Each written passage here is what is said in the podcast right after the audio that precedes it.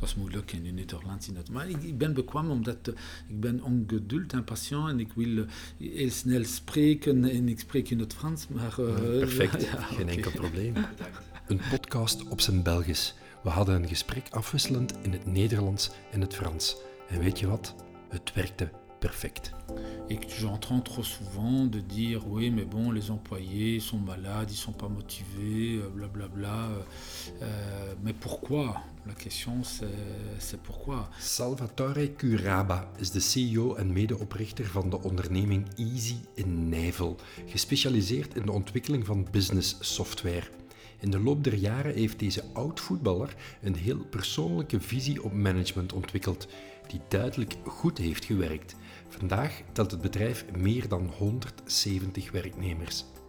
Et je trouve que oui, moi j'ai pas de problème à donner. Moi je n'ai pas de problème à donner. Et je remarque que plus je donne, plus je reçois de l'amour aussi de mes employés. Donc, euh, et je suis heureux.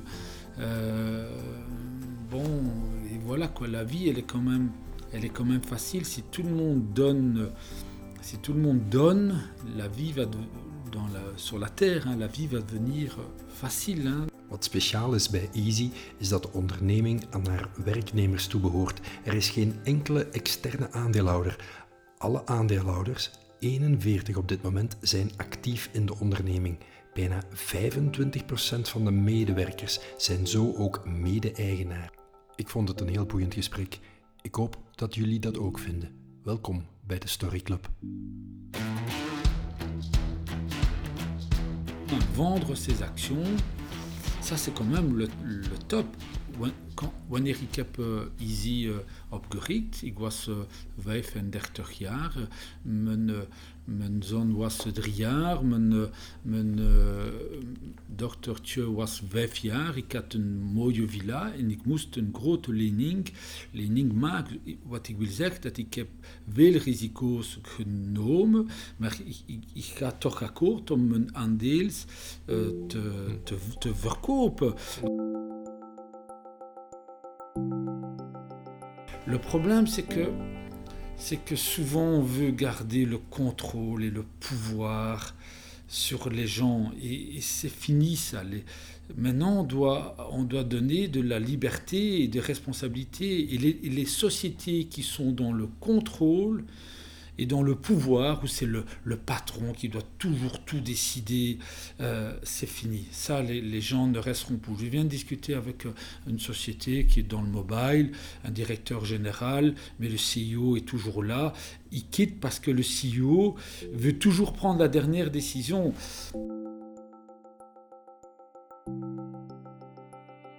Wat ik wil, het is een beetje vreemd. Wat ik wil, een persoon komen bij Easy om 25 of 23, wat ik wil, dat de, de persoon moet zijn, uh, sa, sa carrière globale, de persoon moet bij Easy blijven.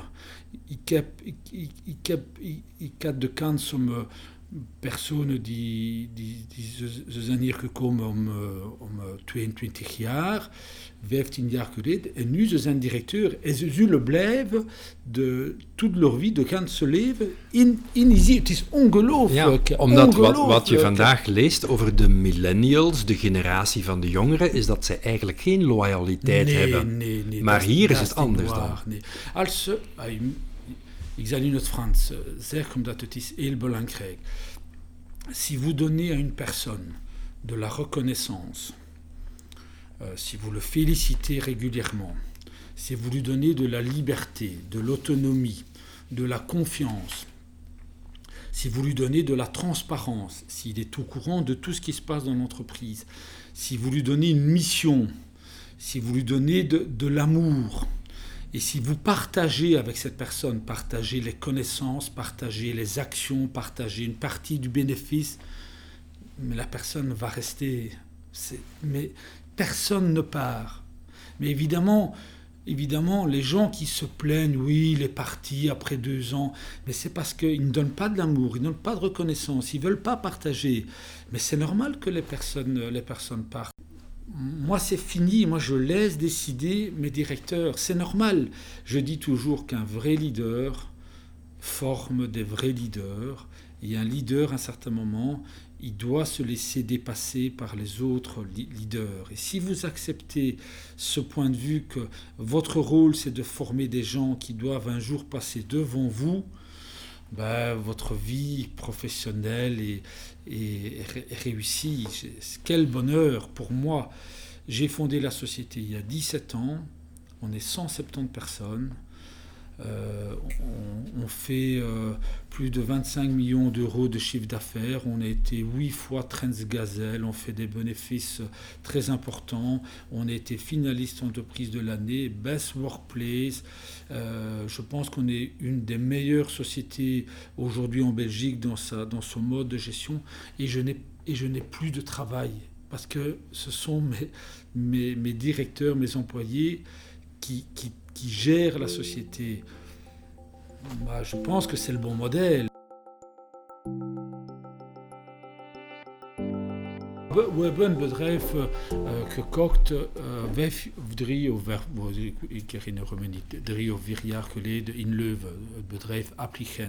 in de, de personen daar waren vooral meer dan 50 jaar. Oké? Okay? Het is ongelooflijk. Ze zijn nu heel, heel tevreden. Ze, ze, ze, ze werd drie dagen of vier dagen per week. Nu ze, ze, ze hebben gevraagd om opnieuw fulltime te zijn. Het is ongelooflijk. Dat heeft niks te maken met de, met de, de leeftijd. Tijd, niks te maken met de... Dus het bedrijf in Leuven waarvan u spreekt, heeft eigenlijk de cultuur overgenomen en zijn daar heel enthousiast ja, ja, het is ongelooflijk. Voor mij het is een plezier omdat ze, allez, ze waren meer dan 50 jaar als ik. Hè. Uh, en de, de behoeften van de mens zijn altijd dezelfde. Als u bent uh, een adolescent, adolescent zegt u dat voor me? Jongvolwassenen. Jong, jongvolwassen, volwassen, senior, de behoeften zijn altijd dezelfde. Uh, de, la reconnaissance, la liberté, l'autonomie, l'amour, la mission, les besoins sont, sont les mêmes. Ça n'a rien à voir avec le travail, ça n'a rien à voir avec l'âge. Et donc c'est important d'être dans le bonheur, euh, de l'amour, mais, mais quelquefois il faut prendre des décisions. Uh, et on est très exigeant,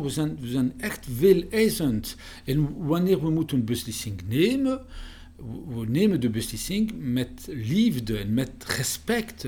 En iedereen aanvaardt, kan aan alles aanvaarden als we doen dat met respect en, en liefde. Het is zoals een familie. Het is een familie. Ik heb, ja, spijtig genoeg, we hebben twee personen, uh, comment dire, remercier?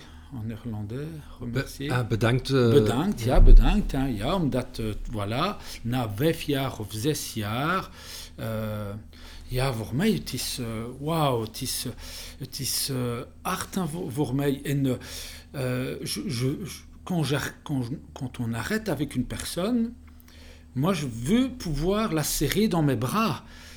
Ok, on a tout fait pour que ça marche, ça ne marche pas, et nous avons convenu, ce sont deux, deux personnes néerlandophones que j'adore, on a convenu d'aller manger ensemble dans 18 mois. Donc on arrête avec deux personnes et on a convenu, ils doivent m'appeler, on va manger à trois dans 18 mois. Moi je trouve ça normal, hein je trouve ça normal, quelqu'un qui, qui a donné 5 ans pour moi pour mon entreprise. Quoi, je, on va le remercier, il prend sa caisse, il s'en va. Mais non, non, non, ça ne se fait pas. Ça ne se fait pas. Donc chaque personne avec qui on arrête, on doit faire le maximum pour elle euh, et euh, bah, le, le, le respect.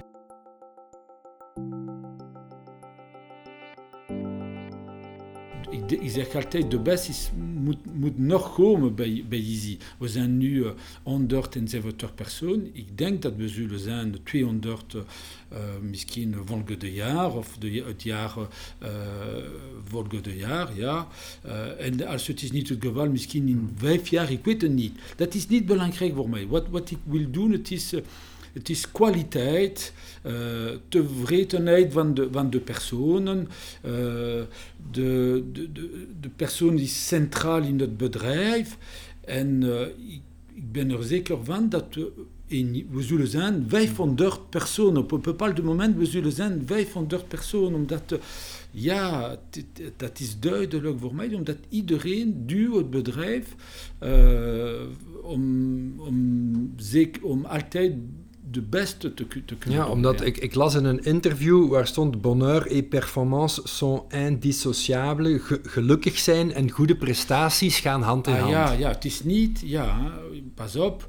Uh, ja, on, on, en fait, on parle de bonheur, mais évidemment, c'est c'est dur comme travail, il y a du stress, on doit rester performant, il y a la compétition, mais c'est beaucoup plus facile quand il y a le, le bonheur.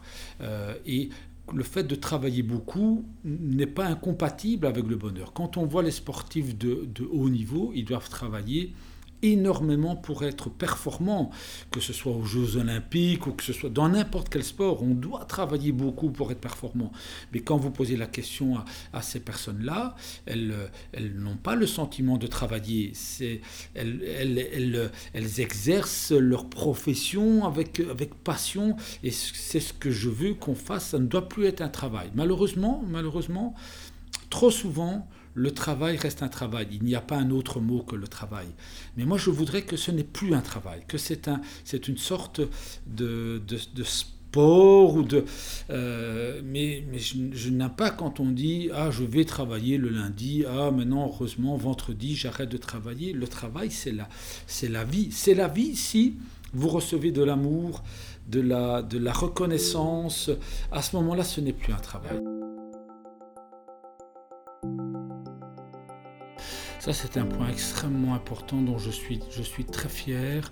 Euh, ben oui, moi, c'est normal, c'est normal et ça me fait plaisir quand un employé de Easy devient manager. Je dis toujours que recruter un manager à l'extérieur, c'est comme si on disait à ses employés, vous êtes des personnes incompétentes, vous n'avez pas le niveau pour prendre ses responsabilités, je suis obligé d'aller prendre quelqu'un à l'extérieur que je ne connais pas, qui n'a encore rien fait pour notre entreprise, que je vais payer plus que vous et qui va être votre manager. Bah oui, oui, c'est difficile hein, aujourd'hui. Euh, aujourd'hui, c'est difficile de trouver. normalement, pour moi, le, il faut, il faut avoir trois qualités. Il faut être euh, leader, c'est-à-dire inspirer les, les, gens. Il faut être euh, entrepreneur, oser mettre en place un nouveau business et il faut être organisateur. C'est ce qu'on recherche de nos managers, c'est ce qu'on recherche, c'est ces trois, ces trois qualités.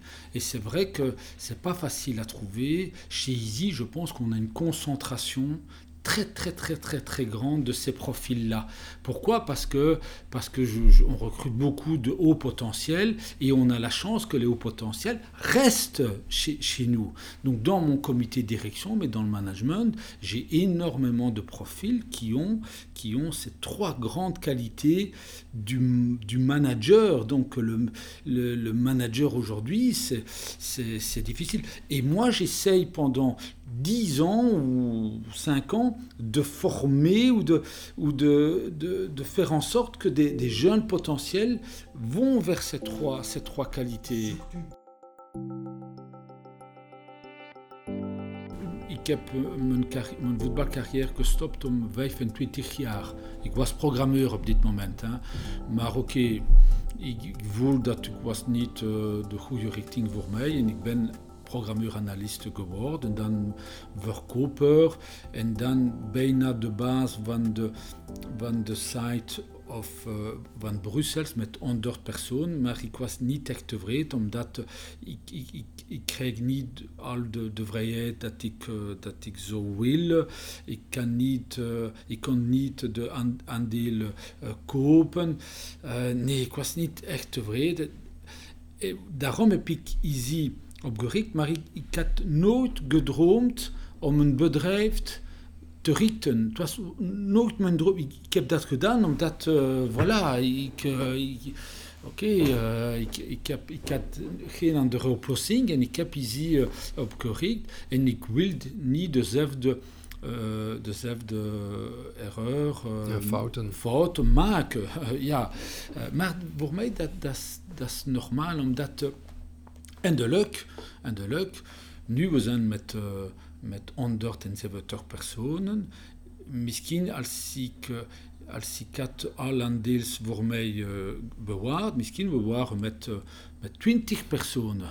Wat is de beste oplossing? Uh, ik, heb, ik heb nu 60 procent van een bedrijf van 170 personen of 100% van een bedrijf van 30 personen. In een bedrijf van 30 personen, het is toch een mooi bedrijf, maar ik denk het is beter een bedrijf uh, bijna 200 personen in, uh, over enkele maanden. We zullen zijn met 100 personen. Het is een mooie... We ik leef daarvoor. Ik leef, ik leef niet om de, je, je, ne vis pas pour avoir du pouvoir, je vis pour être entouré de gens extrêmement intéressants où on construit tous ensemble. C'est ça la société participative. Was dat al zo toen u nog in uw voetbalcarrière was? Was dat dezelfde visie um, of is dat iets dat gegroeid is? Waar u... euh, non, je pense que je, je suis comme ça depuis mon enfance parce que je, pour le moment j'ai des interviews pour l'écriture de mon livre et on retourne dans l'enfance. En fait, depuis que je suis enfant, euh, je suis un, leader, hein, je suis un leader, leader de, que je suis un peu le chef de la bande, de la tribu, mais j'ai toujours protégé toujours protégé les membres de ma, de ma tribu. J'ai toujours aimé les membres de ma, de ma tribu. Euh, je n'aime pas les injustices, je n'aime pas les gens qui, qui font du mal aux, aux plus faibles. Au fond de moi-même, je suis comme ça depuis. Uh, is dat iets dat van uw ouders quoi. komt? Want uw ouders zijn uh, uit Sicilië geïmmigreerd ja. in België. Herkent u dat vanuit uw vader of uw ah, moeder? Je ne sais pas, évidemment, j'ai eu la chance, j'ai eu la chance d'être un enfant vraiment aimé par mes parents, par mes frères, par mes sœurs, la notion de travail, je, je ne sais pas. Je, je, ne sais pas comment c'est venu. Euh, J'admire le courage d'évidemment de, de, de mon père de venir de la Sicile vers la Belgique. Et je pense que ma plus grande qualité, ma plus grande qualité, c'est le courage le courage de prendre des décisions quand il faut prendre des décisions.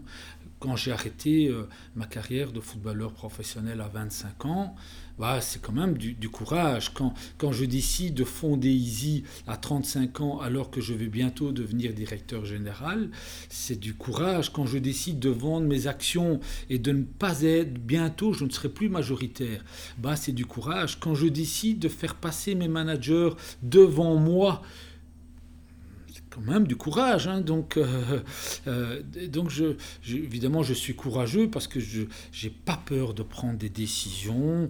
Euh, même quand c'est difficile, il faut avancer. Et, et, si on doit se souvenir de moi, c'est surtout comme une personne courageuse. Ça, c'est, et, et sans courage, vous ne faites rien. Et il manque beaucoup trop de courage à la, à la politique, euh, les politiciens ne sont pas courageux, ne sont pas courageux du tout. Ils savent ce qu'il faut faire, mais ils n'osent pas le faire euh, parce qu'ils ont peur d'être de ne pas être élus dans cinq ans. Il faudrait faire en sorte que pour le moment, j'ai envie de changer beaucoup de choses dans le monde, mais le courage que devraient avoir les politiciens aujourd'hui, c'est de dire un politicien ne peut avoir qu'un seul mandat, il ne peut rester que cinq ans, et puis c'est fini. Alors il va prendre des bonnes décisions parce que de toute façon, il ne sera, il doit plus être élu. Ça, c'est le plus grand courage qu'eux devraient, devraient faire. Et les directeurs, pareil, souvent les directeurs ont, ont, ont peur d'arrêter avec une personne, ont peur de démarrer un nouveau business, ont peur de recruter une, une personne, ont peur de donner, ont peur d'être authentique, ont peur de, de dire je suis pas bien, je suis dépressif. Moi, j'ai passé trois mois l'année dernière très difficile mentalement parce que parce que je, sentais que j'allais perdre du pouvoir, donc c'était pas facile pour moi d'accepter.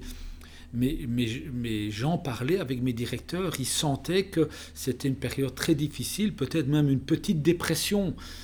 Mais j'ai pas peur de le, de, le, dire. Je pense que si on a le courage, euh, on peut faire vraiment des choses, euh, des choses magnifiques. Et, ça, ça manque trop de, de courage dans, dans la vie actuelle. Wat betekent authenticiteit Authenticité, c'est donc moi, on voit quand je suis de bonne humeur, de bonne humeur, on voit que je suis de bonne humeur. Quand je suis de mauvaise humeur, on voit que je suis de mauvaise humeur. Si quelqu'un fait, fait quelque chose de bien, je dois lui dire que c'est bien. Si quelqu'un fait quelque chose que c'est pas bien, je dois lui dire, mais comme il sait que je l'aime, je peux le, je peux le dire. Quand je discute avec le Premier ministre ou quand je discute avec, avec un employé ou avec un client, avec un fournisseur, je suis toujours le même toujours, toujours le même. C'est facile finalement, hein, parce que je suis toujours le, même. Je ne, je ne, sais pas faire semblant, j'ai peur de ceci, je ne sais pas. Je, ne sais pas. Je veux être moi-même, avec mes défauts et avec mes qualités. Avec mes défauts et avec mes qualités. C'est tellement agréable d'être, d'être, euh, d'être soi-même, et donc, et les gens voient ça mais sans authenticité, la confiance est difficile. Hein, donc, euh, c'est très difficile. Hein. oui, mais bon, qu'est-ce qu'ils pensent vraiment? Bon, c'est. on sait ce que je pense, hein, toujours. Euh. moi, ce que je veux, c'est être heureux avec des gens qui ont les mêmes valeurs que moi, d'avoir des challenges, des missions et de faire un travail d'excellente qualité. Euh, c'est ce que je veux. Voilà. Euh, avec quand même, parce que je suis un compétiteur, j'aime être le premier. Euh, mais, mais, mais bon, c'est pas grave si on ne gagne pas le match. Tant qu'on a bien joué, c'est pas, pas grave. Et ça, c'est agréable pour les employés, pour les directeurs, parce qu'il n'y a pas une pression. Oh, Salvatore, mais la pression des objectifs. Évidemment, évidemment, tout est basé là-dessus. Les salaires, les primes où j'étais précédemment, chaque année, on me demandait de faire, mon ancien job, 15-20% hein, euh, de croissance chaque année. Non, mais c'est pas possible. C'est pas possible. Moi, je ne donne pas les objectifs à mes, directeurs. Je ne donne pas. mais, qui je suis pour donner des objectifs? Oui, euh, j'ai eu une grosse discussion fin de l'année dernière pour les salaires. Euh, en fait, je ne discute jamais salaire avec mes directeurs. Il y a une grille et les gens savent qu'est-ce qu'ils doivent faire pour évoluer dans la grille. Et pareil pour les primes, les gens savent ce qu'ils doivent faire. Et je ne veux pas chaque année, attention, il y a beaucoup de patrons qui font ça, chaque année, des nouveaux objectifs, discuter les salaires. Je ne veux pas ça, parce que ça, c'est le pouvoir, ça. Je ne veux pas de pouvoir. Je veux... Maintenant, il y a eu un problème parce que les grilles qu'on a mis en place, il y avait un problème dans la grille, ça allait, enfin un problème, la, grille a, a, bien marché pendant 10 ans, mais maintenant, avec le modèle d'entreprise, la grille n'allait plus. Les managers gagnaient et les directeurs gagnaient, pas les managers, les directeurs gagnaient trop. Maintenant. Maintenant. Et l'année passée, j'ai dit, on va revoir le salaire de tous les directeurs vers le bas. Et les primes vers le bas. Et l'argent qu'on économise, on va le distribuer, on va le distribuer au niveau en dessous. C'est ça le courage. Hein courage. Mais vous pensez qu'ils ont. Ok, c'était un peu pendant un jour ou deux, mais c'était, ils ont accepté, c'est normal. C'est normal. Donc, euh, euh, si le modèle n'est pas bon, ok, on en a profité, mais après, il faut avoir le, courage de remettre ça en question. Hein. Attention, ça n'a pas été facile dans ma tête. Ça a été facile, finalement, je trouve, vis-à-vis d'eux, mais ça a été difficile de trouver le courage de dire non, maintenant, on doit arrêter ça. On doit arrêter, on doit euh, remettre de l'ordre, parce que sinon, c'est pas bon pour le futur de, de Easy.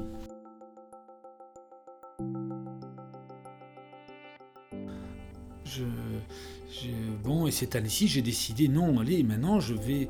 Et c'est pas de la prétention, c'est parce que je, je, je sens qu'il y a moyen d'améliorer. Mais je ne dis pas, je suis un excellent joueur de golf et c'est bien. Non, je suis encore nulle part. Et chez Easy, on est encore nulle part. On a tellement de choses encore à améliorer, mais tellement, tellement de choses à améliorer. De, de weg is belangrijker en leuker dan het einddoel. Ja, inderdaad, voilà. Donc il faut apprécier ce chemin d'améliorer, d'améliorer. Et quelquefois, on veut directement aller à la destination, mais, mais non, le voyage est à, est à, Et heureusement que chaque année, on a des choses à améliorer, à, à remettre en question. C'est ça la, la vie d'une entreprise. Het heeft, het heeft ook iets filosofisch. Un peu, oui. oui. Bon, en même temps, je suis quelqu'un d'impatient, hein, donc je suis quelqu'un d'impatient qui veut des résultats euh, tout de suite. mais je sais faire la part des choses. Euh, je, suis content avec la situation actuelle, mais je sais que, évidemment, oui, je suis très content de la situation actuelle. Hein. Je ne voudrais pas qu'on croie que je ne suis pas content, et je suis content de mon niveau de golf. Mais je trouve qu'il y a moyen de faire, de faire mieux. Alors on va s'arrêter Non, on ne peut pas s'arrêter, on doit continuer. Et le grand danger d'une entreprise successful, c'est c'est quand elle entre dans le confort ou, quand elle croit qu'elle a réussi. Alors c'est la fin. Hein. Donc si on croit qu'on est au sommet et qu'on ne doit plus rien faire, c'est la, c'est la fin. Alors on ne peut que, descendre. Et moi je trouve qu'on a encore beaucoup, beaucoup de choses encore à améliorer. Ik vind het fantastisch dat jullie luisteren naar deze podcast. Story Club is de eerste Nederlandstalige podcast over leiderschap. Als je er iets aan hebt, zou ik het erg fijn vinden als je naar iTunes gaat en daar je recensie achterlaat. Op deze manier komen we hoger in de ranking en vinden meer mensen hun weg naar de interessante gesprekken met interessante leiders. Bedankt, erg geapprecieerd en tot volgende keer. Meer weten? Ga naar rafstevens.be.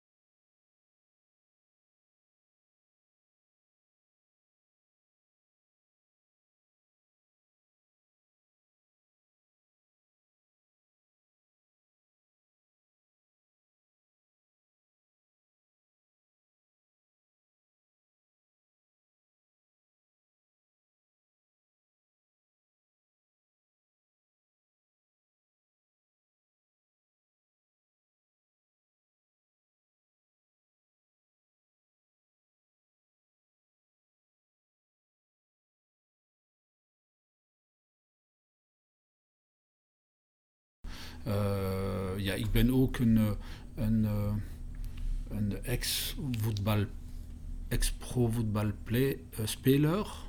Uh, zo het is een beetje vreemd, een, voet, een voetballer, nu uh, leider van een bedrijf. Uh, ja, oké, okay, voilà. Wordt u daar nog veel over aangesproken, over het feit dat u ex-voetbalspeler ja, bent? Ja, ik, ben nu op, het, dit moment hè, een nieuwe club op te richten in La Louvière. Met, maar ik wil niet een, een standaard voetbalclub. Ik wil, ik wil ver, veranderen de manier om een, ja, om, een voetbalclub te beheren.